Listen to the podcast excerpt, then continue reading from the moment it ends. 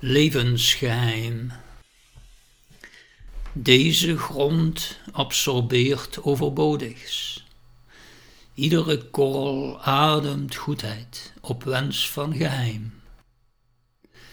Je belandt hier concentrisch, spiralend omlaag, uit niets dan driftig lijden.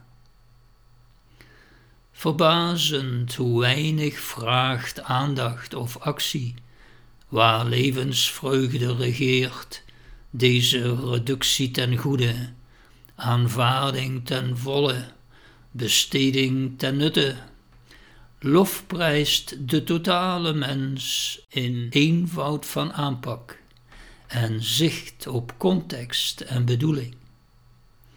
Hij neuriet, zij danst, wij komen bijeen in steeds wonderlijker weefsel dat bewegingloos ademend doortrilt kosmisch klankspel van vurig, vochtig bevel.